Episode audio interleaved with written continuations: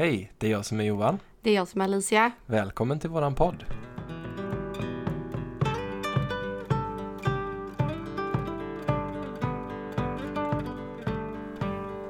Du Alicia, Ja, jag tänkte på det här med aliens. ja det här har du längtat efter. Ja, det Ja. är någonting som jag har velat prata om väldigt länge med i podden.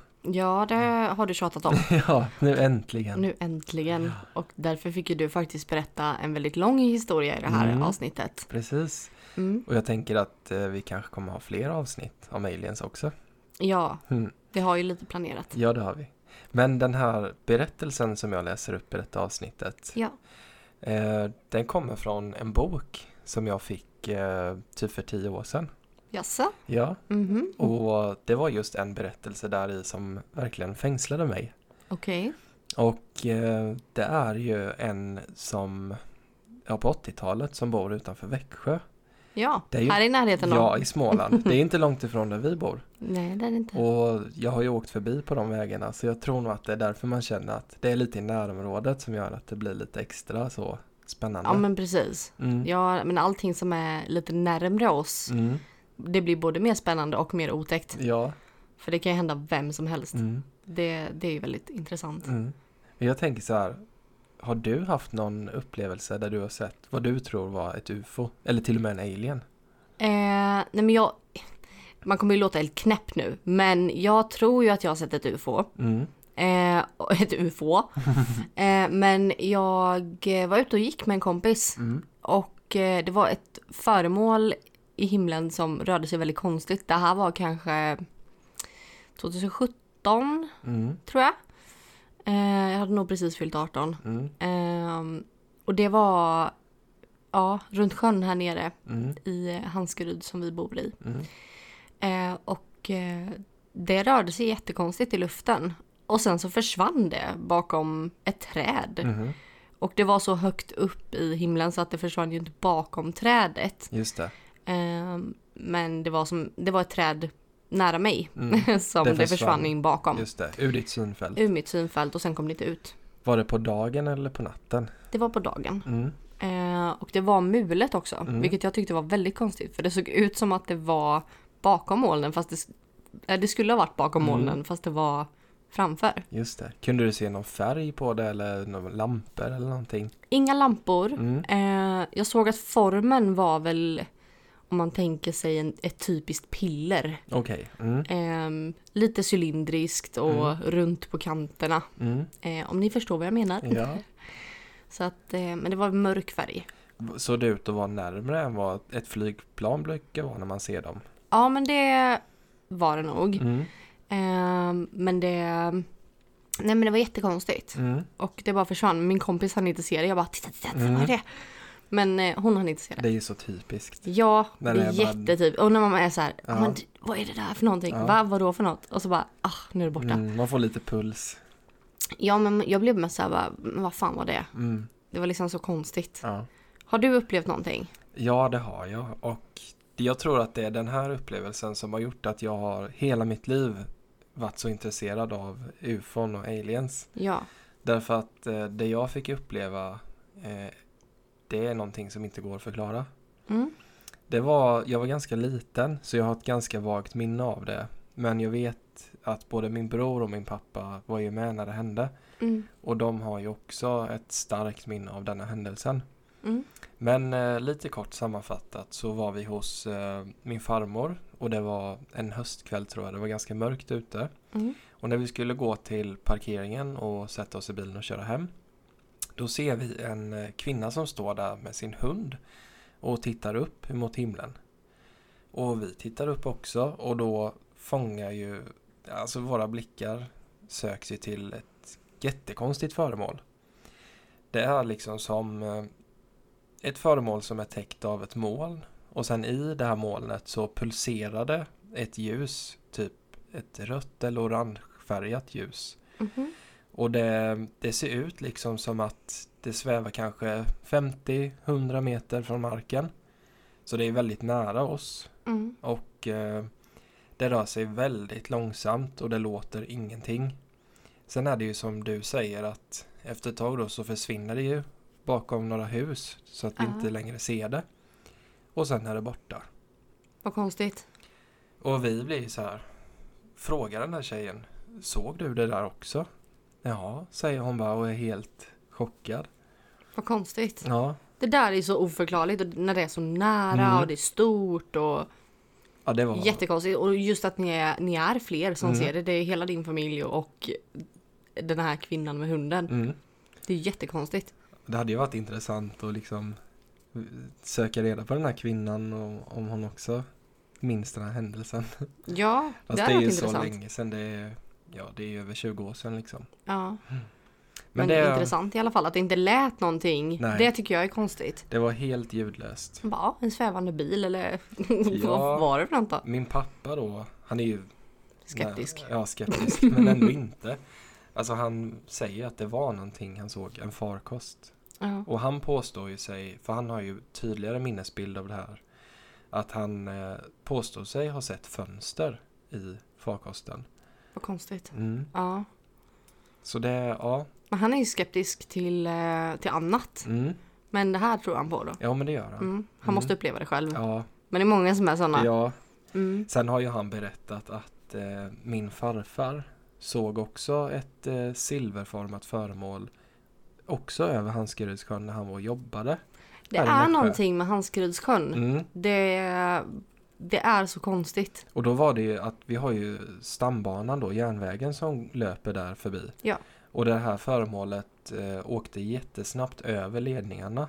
Mm. Och var ett ganska, ja ett silvrigt eh, klotformat föremål typ. Jag tänkte faktiskt lite på det här och jag tror att det, det skulle kunna vara elen i ledningarna som eh, för jag har hört om ett sånt fenomen. Mm. Mm. Så det skulle kunna vara det men det är ju svårt att fråga honom. Ja, Ehm, han finns ju inte längre Precis. med oss. Ehm, men det är intressant ändå att man har de här upplevelserna mm. och att det är flera som upplever det runt samma plats. Mm. Det tycker jag är intressant. verkligen. Och att jag är en av dem. Mm. och du är en av Ja. dem. Nej men det är ju väldigt många alltså, som man känner som har sett i sin närhet. Ja. Det är ju inte sådär jätteovanligt. Tänker jag. Nej. Alla har ju sett någon gång typ när de har varit ute och åkt med bilen. Ja men det vanligaste är väl att folk misstar en väderballong för Mm. ett eh, UFO liksom. Mm. Och vad står UFO för? Det har vi glömt att säga. Ja, det är ju oidentifierat flygande föremål. ja. Så det behöver ju inte vara alltså en alien som kör en farkost utan det kan ju vara allt som du inte kan känna igen. Precis. Alltså är det ett flygplan fast det ser ut som något annat så är det ju fortfarande ett UFO Jag tror det var ganska många drönare som Mm. blev misstagna för UFOn när, de, när det Mm. började komma och sånt. Det tror jag med. Mm. Mm. Men det är väldigt intressant ämne och vi får prata lite mer om det. Men nu ska du få berätta den här berättelsen. Ja. Jag har ju då valt att läsa den här berättelsen ur en bok från Claes Svan. Och eh, denna boken heter Möten med det okända. Okej. Och det är ju en samling av allt möjligt. Spöken och paranormala fenomen och så. Intressant. Ja, och det är ju främst saker då som har hänt i Sverige. Mm. Men det finns även be- berättelser från USA och så med. Okej. Den är väldigt spännande. Mm. Men för er som inte vet vem Claes Svan är, jag tror jag har nämnt han innan. Han Mm. är ju ledare, typ kan man säga, för UFO Sverige. Ja. Eh, typ journalist eller författare, Research. researcher, ja. Ja. Och som, ja, känner man till han så vet man att han är väldigt skeptisk. Mm. Och Det är bra. hälsosamt skeptisk. Ja, han tror ju inte jag. på allt. Men det som är så bra med den här berättelsen, Nu är det våran hund som bökar lite Ja. här.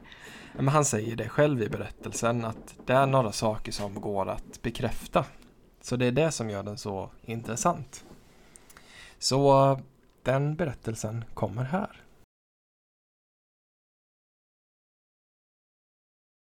Mötet på Vintervägen det var natten till den 3 februari 1984 och den då 40-årige Ante Jonsson var på väg söderut längs riksväg 30 från Ingelstad mot hemmet i Tingsryd.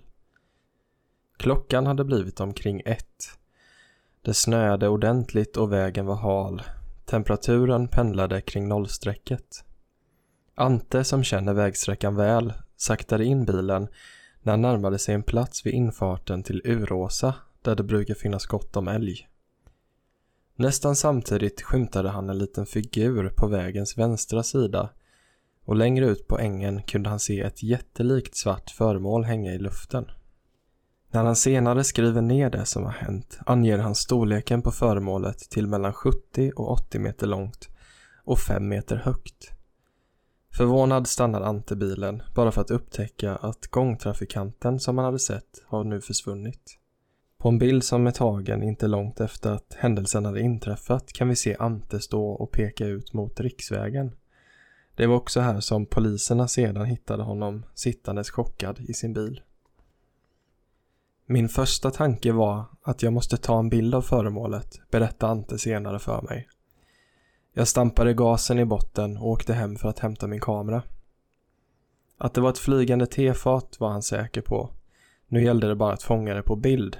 Något han försökt tidigare men aldrig hade lyckats med. När Ante kom tillbaka till platsen hade klockan nu blivit närmare halv två. Men föremålet som han hade sett bara en halvtimme tidigare var borta. Och besviken fortsatte Ante norrut för att vända i en korsning längre fram. Då fick han plötsligt syn på föremålet igen. Den här gången hängande över vägen mitt framför bilen. Han ställde sig på bromsen men fick sladd och blev stående med lyset riktat rakt emot föremålet. Skräckslagen försökte han köra från platsen men lyckades istället fastna med bilen i en snödriva. När jag öppnade bildörren tog en varelse tag i mig och nästan lyfte mig ut ur bilen. Jag bara skrek, berättade Ante, som försökte springa därifrån. Efter en kort strid fångas han in och tappar medvetandet. Men innan allt blir svart minns Ante hur han släpas mot farkosten och hur en långtradare passerar förbi på vägen. När jag vaknade satt jag i min egen bil. Jag var kall och blöt och det stack i händerna på mig. Sen har jag ett svagt minne av att jag pratade med någon som jag senare fick veta var polisen. Därefter minns jag inget förrän jag vaknade på Sankt Sigfrids sjukhus i Växjö. Detta är början på en av Sveriges mest märkliga ufo-händelser. Jag har visserligen talat med fler än hundra personer som alla påstår sig ha mött varelser som de menar kommer från en annan värld och jag har ägnat timmar åt att lyssna på dem som säger sig stå i kontakt med dessa varelser. Men bevisen är skrala och det stannar nästan alltid vid hårresande berättelser där den som lyssnar sällan har möjligheten att kontrollera några av de uppgifter som personerna lämnar. När det gäller Ante Jonssons upplevelse är saken delvis annorlunda. Visst finns här mängder av påståenden och uppgifter som inte går att undersöka. Där får man helt enkelt välja att lita på Ante Jonssons ord eller vifta bort dem som löjligt omöjliga. Men här finns också något så ovanligt som ett oberoende vittne och dokument som visar att något verkligen hände den där natten på Vintervägen. Det började med ett nattligt telefonsamtal till polisen. Klockan 01.50 ringer telefonen hos polisen i Växjö. En person som uppger sig heta Bengt Johansson från Kristianstad berättar att han varit på väg norrut längs riksväg 30 då han i höjd med Uråsa flygfält fått se en bil stå på tvären över vägen med belysningen avslagen. Han tyckte sig också se en person i bilen eller utanför den. Och inom citationstecken, över bilen svävar ett svart föremål. Slutcitat. Som det ordagrant står i Växjöpolisens prememoria. Vakthavande befäl beslutar att skicka en patrull till platsen. Poliserna Roland Karlsson och Torsten Persson ger sig iväg söderut för att möta Bengt Johansson som lovat vänta vid telefonkiosken. Men patrullen hittar honom inte utan polismännen fortsätter istället själva ut mot Uråsa. Efter en stund får de syn på Ante Jonssons Saab 99 som är inkörd i Snövallen nästan på gränsen till Älmhults polisdistrikt. Ljuset är släckt och förarsidans dörr står öppen. På marken ligger ett teleobjektiv till en kamera i sitt fodral. Poliserna kan se hur bilen kört runt flera varv i korsningen innan den stannat mot snövallen. Den nyfallna snön visar också att Ante gått ur bilen, in mot Uråsa där han stannat till, trampat och sparkat i snön varefter han vänt tillbaka till bilen. Och där sitter han när poliserna anländer, mycket rädd och förvirrad. Roland Karlsson och Torsten Persson kan se hur Antes fingrar är krökta som klor och att musklerna i armar och händer är onormalt hårt spända. Han skakar våldsamt som om han har frossa. När de försöker prata med honom verkar han mycket förvirrad och kan inte komma ihåg hur han har tagit sig till platsen. Poliserna låser bilen och tar med sig Ante till Växjös centrallasaretts medicinska klinik dit de anländer tio minuter i tre på morgonen. En timma efter larmet. Läkaren som tar emot Ante konstaterar att han är mycket chockad, hyperventilerar och har en stirrande blick. Också på sjukhuset lägger man märke till hur Antes fingrar är krökta som i kramp. Läkaren beslutar sig för att ge Ante en spruta Valium för att försöka få kontakt med honom. Men det hjälper inte. Ante har svårt att komma ur sin psykiska chock och talar bara kort med läkaren. På frågan om han har varit med om något hemskt svarar han ja, liksom att han fortfarande känner sig rädd. Sedan somnar Ante, men vaknar efter en stund. Den här gången får läkaren ingen kontakt med honom. Från medicinjouren förs Ante i ambulans till psykmottagningen på Sankt Sigfrids sjukhus i Växjö där han får stanna i några dagar. En tid som Ante själv liknar vid en enda lång scen ur filmen Gökboet. Medan Ante Jonsson vårdas på sjukhus skriver polisassistent Torsten Persson sin rapport från nattens ovanliga händelser. Där konstaterar han att Bengt Johansson aldrig mött upp patrullen utan att de båda polismännen fick fortsätta själva och att Ante var i mycket dåligt skick när de kom fram till honom.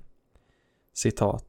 Han skakade våldsamt som om han frös, frågade om vi hade något att dricka. Slutcitat. Persson noterade också att Ante inte luktade sprit. Patrullen från Växjöpolisen hör aldrig mera av Bengt Johansson och trots grundliga efterforskningar och samtal med 12 olika Bengt Johansson i Kristianstad har jag inte heller kunnat spåra honom. Mycket tyder på att namnet är påhittat. Vem den var som ringde så vill han av någon anledning inte ge sig till känna. Mannen som såg ett svart föremål sväva över Antes bil har aldrig gått att hitta. Så här långt finns det mesta dokumenterat i polisrapporter och sjukhusjournaler. Det är ställt utom allt tvivel att Ante Jonsson varit med om något mycket skrämmande på vägen den här natten. Att simulera de kramper och det chocktillstånd som såväl polis och som läkare konstaterade måste ses som uteslutet. Krampen i händerna tyder på att Ante hållit fast sig i något, trolig, troligen i ratten, under en längre tid. Det är också uteslutet att Ante själv skulle ha ringt samtalet från telefonkiosken för att sedan köra till platsen där poliserna hittade honom. Klockan 15 samma dag återvände Roland Karlsson och Torsten Persson till platsen för att försöka hitta spår efter det föremål som skulle ha orsakat händelsen. Men trots att de söker igenom terrängen tre kilometer i båda riktningar kan de inte hitta någon förklaring till det som inträffat. På den öppna plats där föremålet skulle ha synts finns inga märken.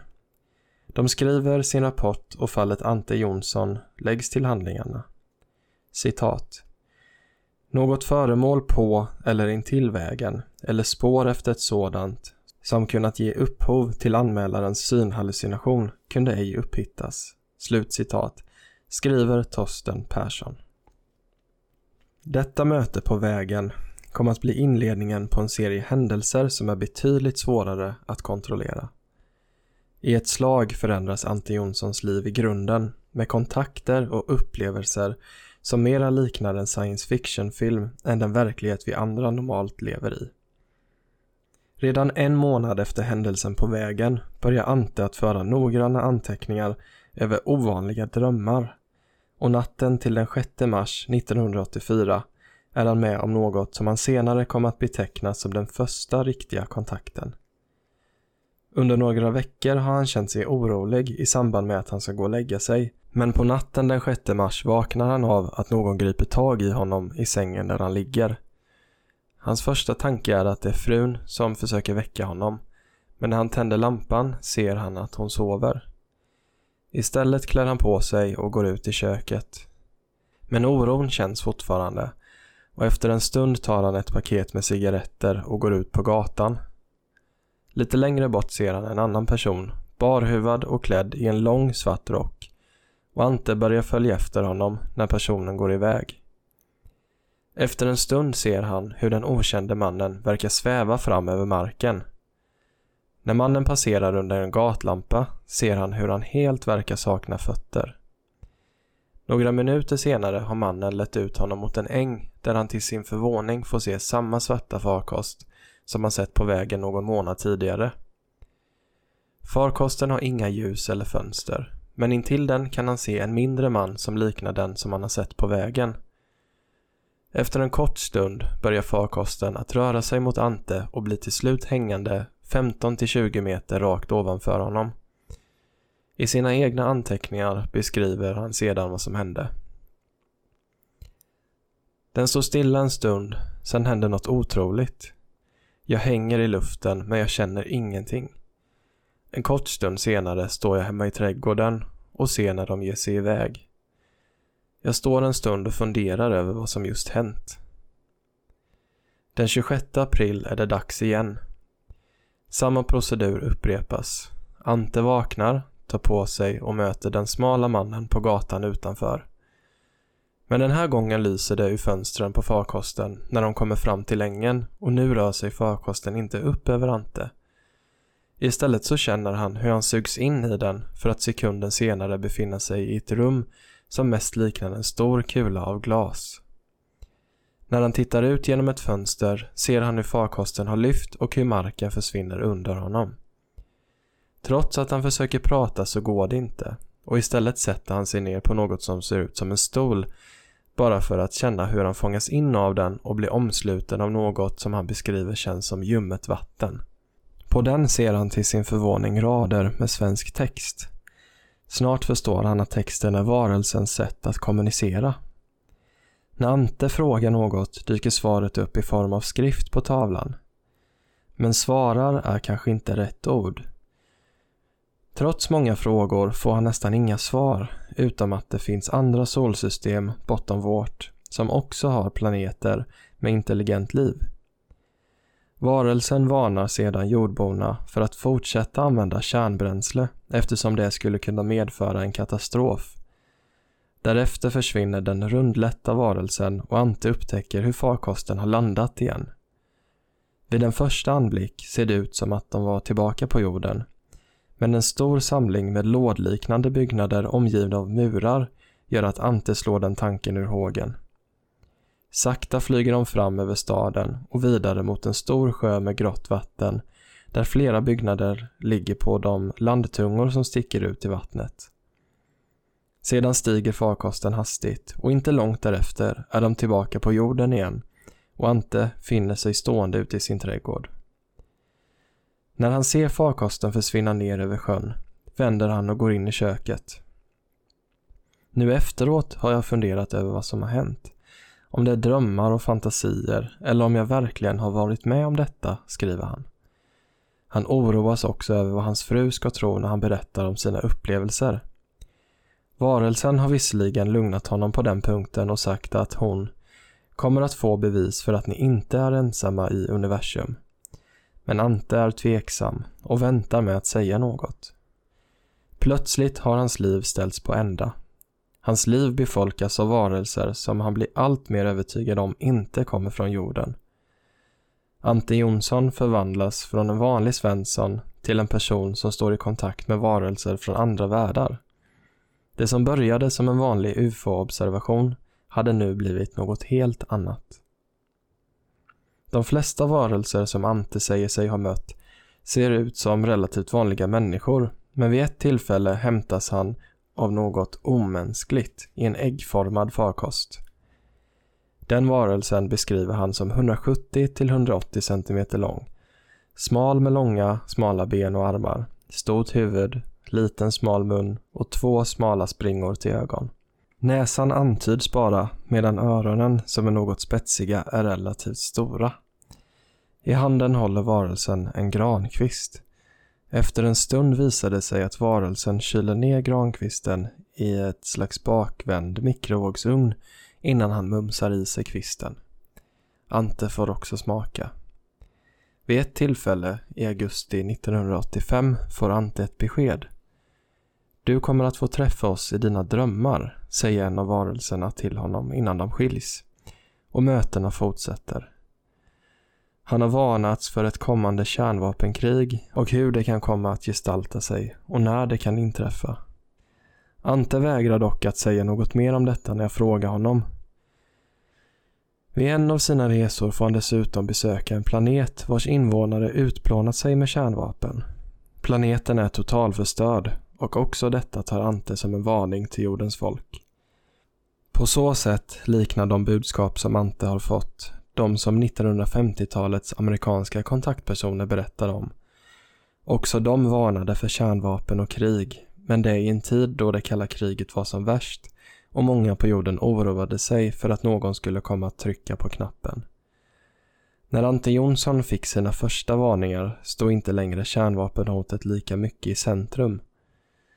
Sedan den första händelsen har Ante präntat ner flera hundra A4-sidor med upplevelser. Själv tror han att han förts till tre eller fyra olika platser utanför vårt solsystem. Vid ett tillfälle har han fått besöka en utomjordisk bas på havets botten. Men var han har varit vill han gärna inte spekulera i. Under sina resor har han mött flera olika människoliknande varelser. En som han kallar för halvapan. En annan som fått namnet granrisätaren. En tredje med smal kropp och långa armar. Och så Jenny, en vacker och klok kvinna med jordiskt utseende som tar med Ante på flera drömresor. Hörnstenen i hela berättelsen. Det är med henne han framför allt har umgåtts med, badat med, ätit med och träffat hennes bekanta. Det är också Jenny som på sommaren 1986, två och ett halvt år efter händelsen, berättar för Ante vad som egentligen inträffade utanför bilen den där vinternatten. I ett samtal med Jenny, som han noggrant skriver ner, får han veta att han blivit ombordtagen på farkosten efter att ha kämpat för sitt liv på vägen utanför. Svårt chockad fördes han ombord och ett tag var hans hjärta nära att stanna. För att rädda Antes liv placerade hans kidnappare honom i en tryckkammare samt kopplade några ringar kring bröstet och midjan. Besättningen tog också prover på Antes hår för att se hur långt sammanlagt liv han har haft. Tidigare reinkarnationer kunde också mätas. De tog även ett prov från Antes hud för att bestämma fysisk och psykisk kondition. Efter denna behandling tvingades besättningen släppa av Ante igen eftersom en annan bil varit nära att upptäcka dem. Resorna med Jenny till andra världar var fyllda av frågor från Ante. Men precis som vid den första kontakten 1985 var svaren ofta undvikande och oprecisa. På något sätt kände han att han inte kunde kontrollera situationen och fick bara svar på det som Jenny verkligen ville berätta. För Ante är Jenny lika verklig som någon människa på jorden. När vi diskuterar dessa resor poängterar Ante att han inte är säker på hur verkliga hans upplevelser egentligen är. Givetvis är de verkliga för honom själv, men han har svårt att dra en klar linje mellan dröm och icke-dröm. Det kan ju vara en dröm. Jag kan inte komma ifrån det, säger han. Men jag kan heller inte komma ifrån att det verkligen kan ha hänt. Jag vet inte riktigt vilket ben jag ska stå på ibland. Vissa saker kan jag säga att jag tycker är drömmar. Men jag vill inte säga varken det ena eller det andra, för jag vet faktiskt inte. Jag vet inte riktigt egentligen vad det är som jag är med om. Vad är det som gör att du inte kan känna dig säker på om det är dröm eller verklighet? frågar jag. När vi sitter här och pratar som vi gör nu så existerar en massa saker runt omkring. Men just när det här händer så existerar ingenting förutom det som händer mitt emot mig. Ändå är det så pass verkligt. Det blir en förändring av din verklighetsuppfattning. Ja, på något vis. Händer det här även under dagtid? frågar jag. Ja, det kan hända precis när som helst. Det kan hända på morgonen, på middagen, på kvällen, på natten. Men mestadels så har det väl hänt framåt kvällningen. Hur känns det just när det händer? Kan du beskriva vad som inträffar? frågar jag. Det börjar krypa i hela kroppen. Jag vet inte hur fan jag ska beskriva det. Det är som om något rör sig in i mig. Både i huvudet och i kroppen. Det slår aldrig fel. När det här kommer så en eller två eller tre dagar efteråt så händer det någonting. Har du kvar den där ihållande känslan ända fram tills det händer? Nej, den går över. Den känns bara en kväll eller en dag. Sedan kan det gå ett par dagar då jag inte känner någonting. Så helt plötsligt så händer det. Men under tiden känns det inget. Och inte efteråt heller. Känner du då att den här verklighetsförändringen kommer gradvis eller kommer den väldigt snabbt? Den kommer snabbt. Det händer ofta när jag sitter framför TVn. Det lustiga är att jag alltid känner den nere i tårna av någon konstig anledning.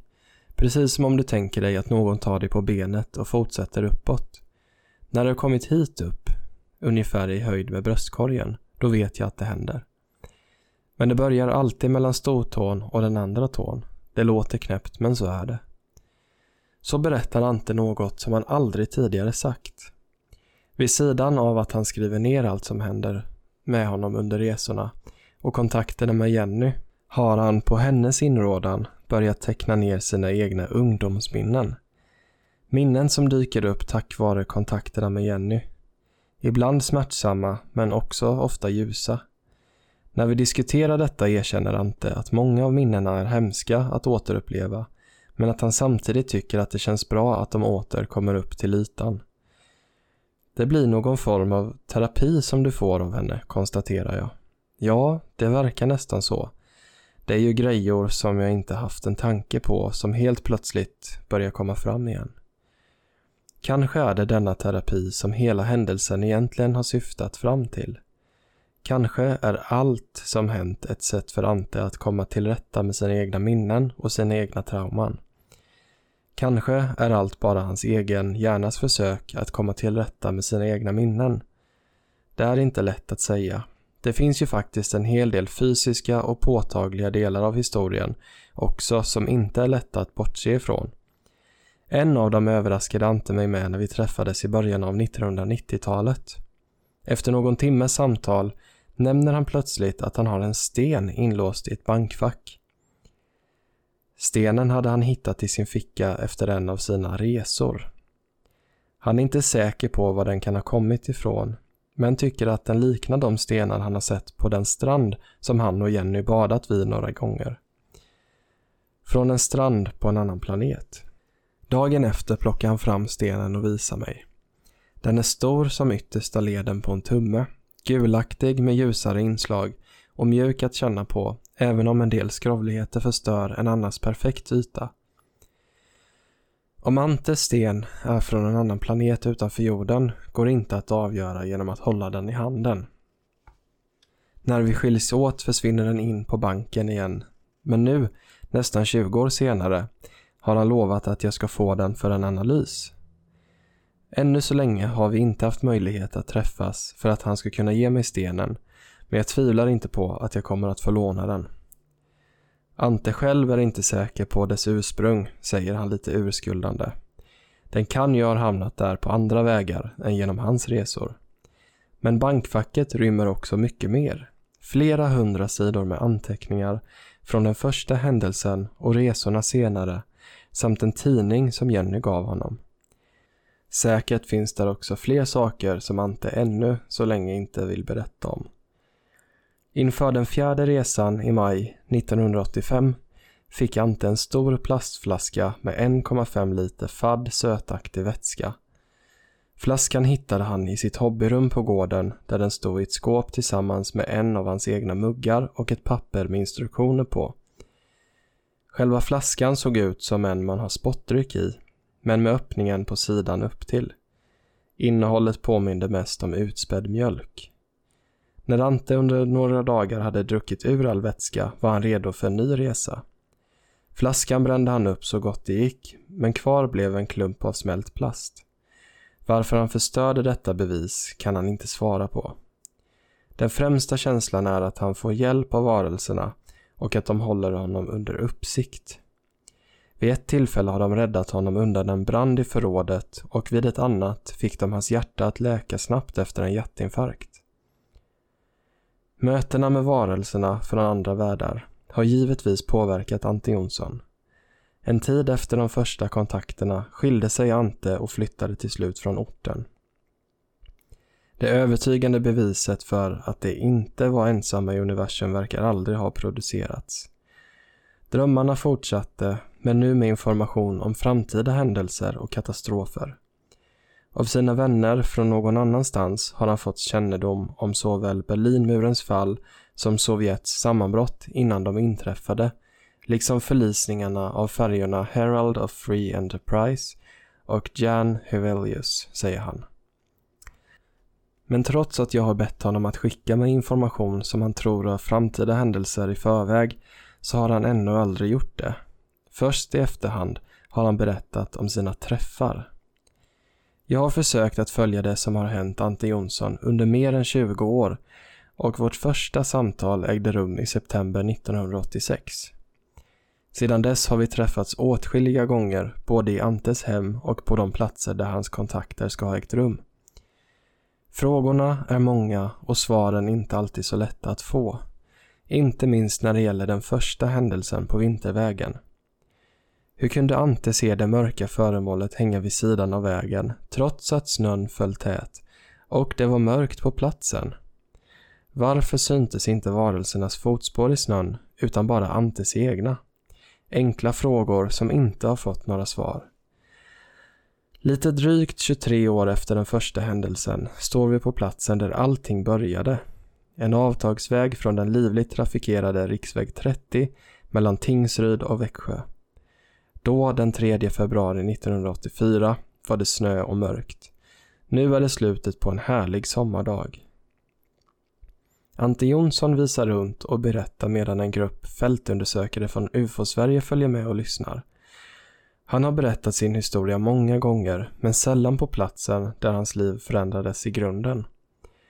Tillsammans med Ante vandrar vi ner mot riksvägen och den plats där han fick ställa sig på bromsen i den hala snömodden. När vi nu träffas igen berättar han åter om hur han släpades ut ur bilen, försökte fly men tappade medvetandet och inte vaknade upp förrän han åter satt på förarplatsen med händerna krampaktigt slutna om ratten.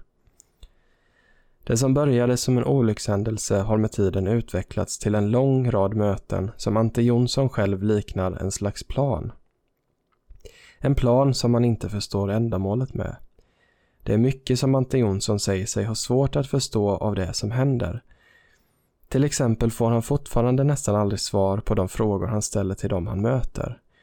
Många gånger har han med sig en lapp för att inte glömma något viktigt, men det är sällan någon av varelserna bryr sig om hans funderingar. Oftast svarar de inte utan kommer in på något helt annat och det är ruskigt svårt att få veta någonting om dem själva. Då blir det diffusa svar, säger han. Kontakterna fortsätter än idag, men är inte längre lika täta. Det kan gå tre, fyra månader nu mellan varje gång som han känner den där typiska krypningen i kroppen och då vet vad som väntar. När mötet sedan väl äger rum vet han aldrig vad det kommer att handla om. Men med tiden har fokus alltmer glidit över från varelserna mot honom själv och vad som händer efter döden. Jag har frågat så många gånger varför de har tagit kontakt med mig och inte några styrande som har makt att påverka. Svaret jag har fått är att det inte har gått. De har försökt men inte fått någon kontakt. Varför det inte har lyckats har jag inte fått veta. Enligt Ante är det oftast samma personer som kontaktar honom nu som när den första händelsen ägde rum 1984. Men under åren är det många som har kommit och gått och totalt uppskattar han antalet olika varelser till mellan 15 och 20 stycken. Någon befälhavare har han inte upptäckt. Ingen verkar stå över den andra. Jag har haft kontakt med Sindo och en som jag kallar Alvar. Det är mest honom jag har pratat med det sista året. Någon gång har de varit fem samtidigt.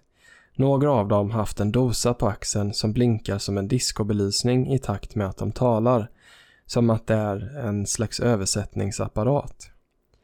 Samtalen förs på ren svenska, rikssvenska för att vara mer precis. Ante Jonssons småländska fungerar inte alltid. Och det är i dessa detaljer som Antes historia får en närhet och prägel av verklighet som gör den svår att vifta bort. När jag frågar honom om varelserna alltid förstår honom så svarar han snabbt och med kort eftertanke att när han en gång hade använt ordet tyar, som varje tv-tittare som minns sin Raskens omedelbart hade känt igen, då hade de märkliga varelserna inte förstått honom. Då var han tvungen att förklara att det är småländska för orkar. Och det har skett en förändring genom åren. Från att mest ha liknat omänskliga robotar har varelserna blivit mer empatiska menar Ante.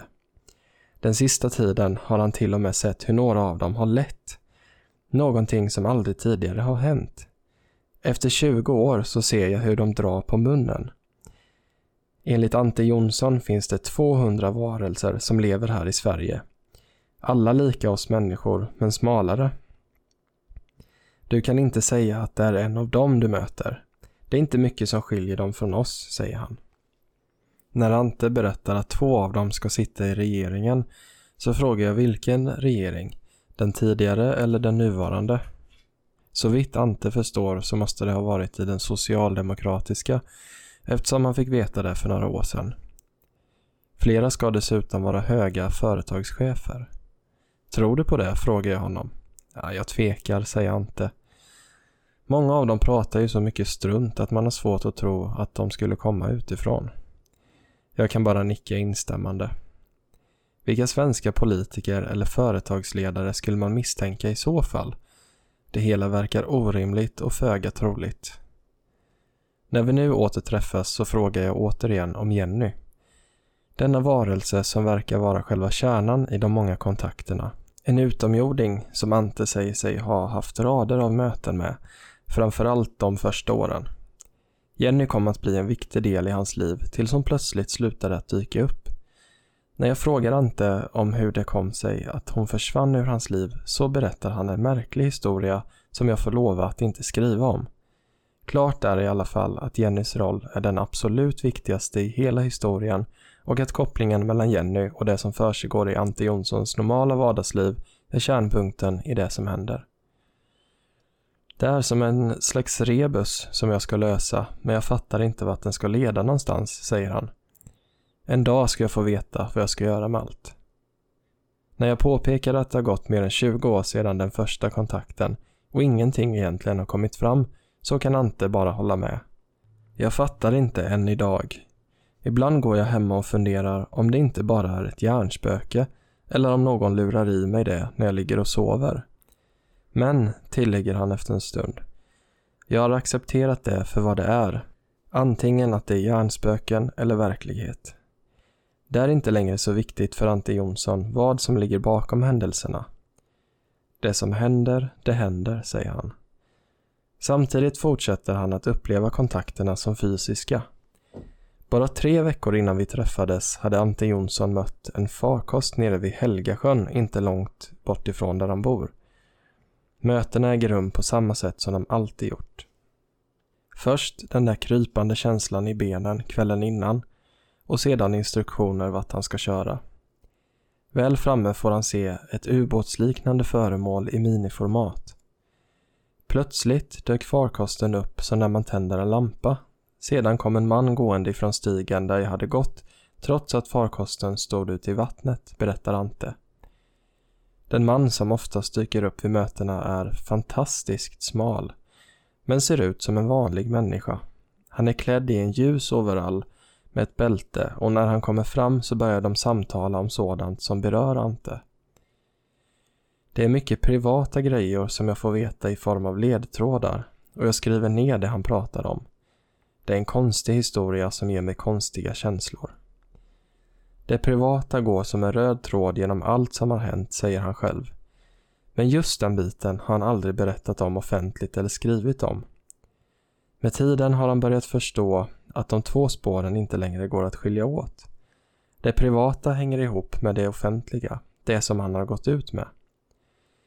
Kanske måste jag föra samman dem, säger han och syftar på de mellan 400 och 600 sidor med anteckningar från sina olika möten som sitter prydligt insatta i pärmar hemma i huset. Där finns också ännu fler anteckningar om varsel om kommande händelser. Två veckor före Katrina slog till mot New Orleans hade Ante fått se hur en stad svämmades över i en syn. Men han fick aldrig veta var det skulle hända. En annan gång fick han veta att jordiska astronomer snart skulle komma att upptäcka en ny planet, vilket också hände några veckor senare. Varelserna hade pekat ut den på en karta där jorden också syntes. Men frågan är hur intressant en sådan uppgift är. Idag har astronomerna hittat närmare 350 stycken planeter och nya upptäckter görs varje månad. Varför det skulle vara intressant att förutsäga en av dessa är minst sagt svårt att förstå. När jag frågar Ante var någonstans denna nya planet skulle ligga så hänvisar han till den västra sidan av Vintergatan och en bra bit bort ifrån jorden. En lagom oprecis beskrivning som knappast tyder på att sagesmännen har tillgång till någon högre form av teknik. Vår galax beskrivs knappast med hjälp av en kompassriktning. Det är inte så länge sedan jag drömde om vilka siffror som jag skulle vinna med på dagens dubbel. Men jag låg ju hemma på soffan och hade ingen möjlighet att hinna in till stan för att spela på dem. Så jag tänkte att jag tittar väl på TV4 för att se hur det gick och då var det just de siffrorna. En annan natt drömde jag om de sista loppen i ett travlopp och att två femmor skulle vinna. Så jag åkte in och spelade på dem. En gång vann jag 870 kronor. Men jag antar att du har förlorat också, frågar jag. Ja, det har jag. Det är inte några säkra tips. Tre, fyra gånger har det inte slagit in. Men jag satsar inte mer än en tia. Ante Jonsson har lärt sig leva med allt det underliga. Händelserna och budskapen har blivit en del av hans liv, säger han. Det jobbigaste är att det ringer så många. Många är knäppskallar som tror att jag är ett slags gud som kan hjälpa dem med allt möjligt. Några gånger har Ante fört önskemålen vidare till sina kontakter men han säger sig bara känna till en person som sedan verkligen har fått hjälp. Om det var en slump eller inte vet han inte. En annan som ringde var övertygad om att jag kom från en annan planet och ville att jag skulle komma till henne för att spela utomjording. Jag skulle kunna tjäna tiotusentals kronor på det, menade hon. Men aldrig att jag skulle ställa upp på något sådant, inte ens om jag kunde tjäna 200 000 på det. Andra ringer och vill bli botade från sjukdomar eller tror sig ha fått budskap om när utomjordingarna ska visa sig. En dam förutspådde att hela mänskligheten skulle få se dem i april 2007, vilket ju inte stämde. Och så kommer det aldrig att bli, säger Ante. Den uppfattningen har jag fått. Vi sätter oss i bilen och jag gör mig beredd på att köra Ante hem. När vi lämnar Uråsa-korsningen och kör åter mot Växjö hinner vi bara någon mil innan Ante ber mig att svänga vänster ner längs en mindre väg och förbi några bostadshus. Till slut kommer vi fram till en dammanläggning. Vi parkerar bilen nedanför en vall och låser dörrarna. En trappa leder upp mot ett lågt nätstaket som sträcker sig ut efter kanten på dammen. Ett malande brus möter oss där vi står och blickar ut över det stilla vattnet. Här har han numera flera av sina kontakter. De kommer alltid därifrån, säger Ante och pekar. Sedan blir de hängande över vattnet. Vatten verkar vara en gemensam nämnare för Ante Jonssons kontakter. De första mötena ägde rum vid stranden av Torsjön, inte långt från Väckelsång. När Ante flyttade till Strömstad blev det sjön Färingen som kom att fungera som kontaktpunkt. Då han flyttade till Växjö fokuserades möten över Helgasjön som ligger alldeles intill hans och familjens hus. Nu är det dammen, inte långt ifrån Ingelstad, som står för de flesta mötena. Vi står vid kanten av dammen en stund och tittar ut över vattenytan. Jag förklarar hur svårt det är för en utomstående att förstå något av det han beskriver. Trots alla år och alla samtal är det mesta Ante har berättat utan någon mening för mig. Det är det för mig också, säger Ante och skrattar. Det är svårförståeligt. Jag fattar inte alltid mer än vad du gör. Varför är jag så viktig för dem? Och vad är det de vill att jag ska göra? För något är det ju. Det är mycket som är komplicerat men som inte skulle behöva vara det. De skulle kunna prata mer rent ut istället för i gåtor. När vi pratar om det som händer honom är det lika ofta Ante Jonsson själv som ställer frågorna. Svaren har han inte alltid. Är det verkligen så att de kommer någonstans utifrån eller kommer de någonstans från jorden? Jag vet inte. De har sagt att de kommer från planeten Prio, men jag har aldrig fått veta hur långt bort den ligger. Själv inser han att avståndet till planeten Prio måste vara stort och han säger att det knappast kan vara möjligt att varelserna åker fram och tillbaka så ofta som de verkar göra. Ändå säger han sig ha fått åka med och tvekar därför om resan verkligen har ägt rum i den fysiska verkligheten. En gång säger han sig ha fått resa med till Prio. Men eftersom Prio ser ut som vilken plats som helst på jorden känner han sig inte säker på att han verkligen har fått resa genom rymden. Kanske han helt enkelt aldrig har lämnat jorden. Bevisen för att det han säger är sant är få, eller också kan han inte visa dem. Stenen som väntar på att analyseras har varken jag eller Ante själv några stora förhoppningar på. Men det finns annat som skulle kunna övertyga, fast det föremålet kan han inte visa mig. Det är en apparat som ska fungera som ett slags kommunikation mellan dem och mig, säger han. Men eh, hur länge jag får ha den kvar, det vet jag inte. Det blir kanske inte någon längre tid. När vi sätter oss i bilen för att fortsätta drar Ante fram en halskedja med en komplicerad symbol som han en gång sett i samband med sina kontakter. Från början var figuren enklare och hade formen av en trekant med något som skulle kunna vara ett öga i mitten. Högst upp i stängeln gick två halvcirklar som idag har fått formen av något som liknar två speglade fiskkroppar. Jag blir inte förvånad när Ante säger att det hela också ska vara ett slags nyckel, men till vad den ska användas vet han inte. Det är en slags framtida nyckel, det är vad jag fått veta, säger han. En nyckel utan lås, som så mycket annat i Ante Jonssons upplevelser. Vi sitter kvar och pratar innan vi rullar vidare. Ante berättar om ännu en hemlighet som han har fått av de smala varelserna och jag frågar om han aldrig blir sugen på att få sådana uppgifter kontrollerade av en utomstående. För att kunna komma ett steg vidare liksom. Men det vill han inte. För honom handlar det om att inte svika ett förtroende, säger han. Kanske skulle kontakten då klippas av och när det går för lång tid mellan kontakterna så börjar han nästan att längta efter dem. Jag har ju så mycket jag vill prata med dem om, säger han. Frågorna verkar ibland vara viktigare än svaren. Så vad ska man tro om Ante Jonssons berättelser? Svaret är att jag inte vet. Om det inte hade varit för det första konkreta mötet på Vintervägen i februari 1984 så hade jag nog aldrig brytt mig om dem. Runt om i världen finns hundratals personer med liknande berättelser. Inte ens i Sverige är Ante Jonsson unik med sina resor till avlägsna platser. Att jag trots allt följer honom sedan snart 25 år beror på honom själv som person. När Ante berättar om sådant som han ännu inte vill gå ut med låter det fantastiskt, men detaljerna är jordnära och konkreta. Han är frikostig med namn och uppgifter och även om han inte vill att jag skriver om det så svarar han på alla mina frågor. Samtidigt har vi olika prioriteringar. Bevisen för det han berättar finns men Ante Jonsson vågar inte visa dem. Kanske förlorar han då kontakten, säger han. För mig är just dessa fysiska apparater viktigare än några luddiga svar från några utomjordingar. Innerst inne vet jag att jag aldrig kommer att få se något som kan övertyga mig eller andra. Jag kommer aldrig att få några exakta förutsägelser där Antes kontakter visar att de faktiskt kan se in i framtiden. Och jag kommer själv aldrig att få vara med när Ante är med om sina möten. Om jag skulle det, vad skulle jag då få se? Men kanske kommer jag någon gång att få tag på den mystiska Bengt Johansson. Mannen som ringde polisen och som såg ett svart föremål sväva över en bil på riksväg 30 den där vinternatten 1984. Kanske. Intressant. Mm, verkligen. Och den är ganska lång.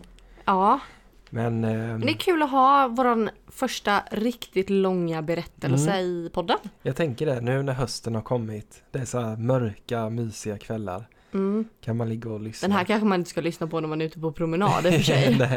Man kanske vill lyssna i hemmets Ja. trygga vrå. Men den där är inte så läskig. Alltså, den är behaglig Ja. skulle jag säga. Ja, det, jag, jag tycker att det är lite Ja. obehagligt. Det är ju olika. Men det, det är ju obehagligt om Mm. det är så att man blir upplockad eller Mm. sådär. Det, jag tycker det är lite läskigt. Mm. Men det, ja, Mm. det är intressant Mm. i alla fall. Verkligen. Och jag vill ju prata mer om detta. Ja, det är klart. Men det ska du få göra. Det ska vi göra. Ja. Vad händer nu då? Ja, nu är det ju söndag när ni hör detta. Ja, Och idag släpper vi ju en nyhet. vi droppar en bomb. Ja, det gör vi. Ja, vi eh, kommer ha live, så lyssnar du på det här på morgonen Mm. innan klockan 12. Så eh, får du jättegärna kika in på liven klockan 12. Mm. Eh, tillsammans med Sofia faktiskt. Mm. Eh, jätteroligt. Mm. Eh, och hennes länkar ligger på vår Instagram också. Mm. Ehm, men det ska ju bli jätteroligt. Vi ska ju faktiskt på hennes mässa i november. Då blir det ju storseans. Ja, du, din första Ja. storseans. Tillsammans med. Sofia. Ja, det känns ju skönt att göra det tillsammans med någon som har gått samma Ja. utbildning. Mm. Mm. Ja, hon gick ju faktiskt mediumutbildningen med oss. Mm. Eh, men hon har jobbat med det innan. Ja, det har de. Eh, och det är jätteroligt. Mm. Så häftigt. Och vi länkar hennes eh, Instagram och eh, hennes hemsida Mm. under i poddbeskrivningen. Ja, så gå in och kolla. Det får ni jättegärna göra. Och du ska ju lägga tarot. Jag ska lägga tarot på mässan. Det Mm. är den 6 november Mm. eh, i Nyköping. Mm. Och vi kommer finnas på plats från klockan eh, nu ska vi se, halv elva 10.30. 10.30 fram till 17.00 för då Mm. börjar storseansen och sen så håller den på till klockan 18. Mm. Så att där får ni jättegärna komma och hälsa på oss, Mm. få en liten tarotläggning ehm, och gå på storseansen. Det har varit jättekul. Ja, Mm. ni får jättegärna komma förbi och bara köta lite ja. med om ni vill det. Ja. Men det hade varit jätteroligt att träffa lite av våra följare, de som lyssnar på podden Mm. och ja, men träffa lite likasinnade. Mm. Det är alltid roligt. Det älskar ju vi. Att Mm. få komma ut och träffa folk. Ja, det är superroligt. Det är Ja. därför vi jobbar med det vi gör också. Mm. Men jag är så taggad inför hösten och vintern Mm. och nästa helg så börjar ju faktiskt våran tarotkurs. Det gör den. Och eh, där kan du höra av dig till oss om eh, du vill stå på väntelistan inför nästa som sätter igång i januari, februari någon gång. Mm. Eh, mars.